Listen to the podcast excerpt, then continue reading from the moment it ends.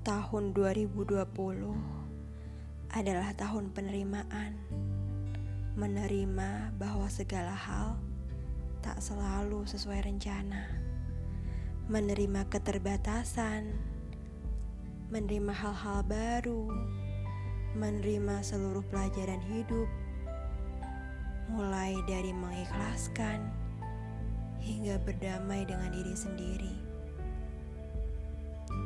meski bukan berada di tahun yang terbaik, tapi terima kasih wahai diri karena masih teguh berdiri. Terima kasih karena sudah berhasil melewati masa-masa terberat di tahun 2020 ini. Terima kasih karena sudah bertahan. Terima kasih karena sudah jadi manusia kuat.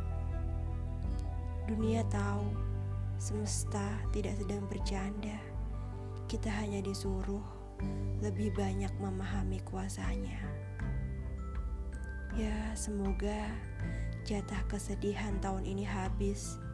Lalu hanya tersisa kabar dan hari-hari membahagiakan di tahun depan. Selamat tinggal 2020. Kamu berharga untuk dijadikan pelajaran. Selamat datang 2021. Semoga semesta akan selalu baik-baik saja.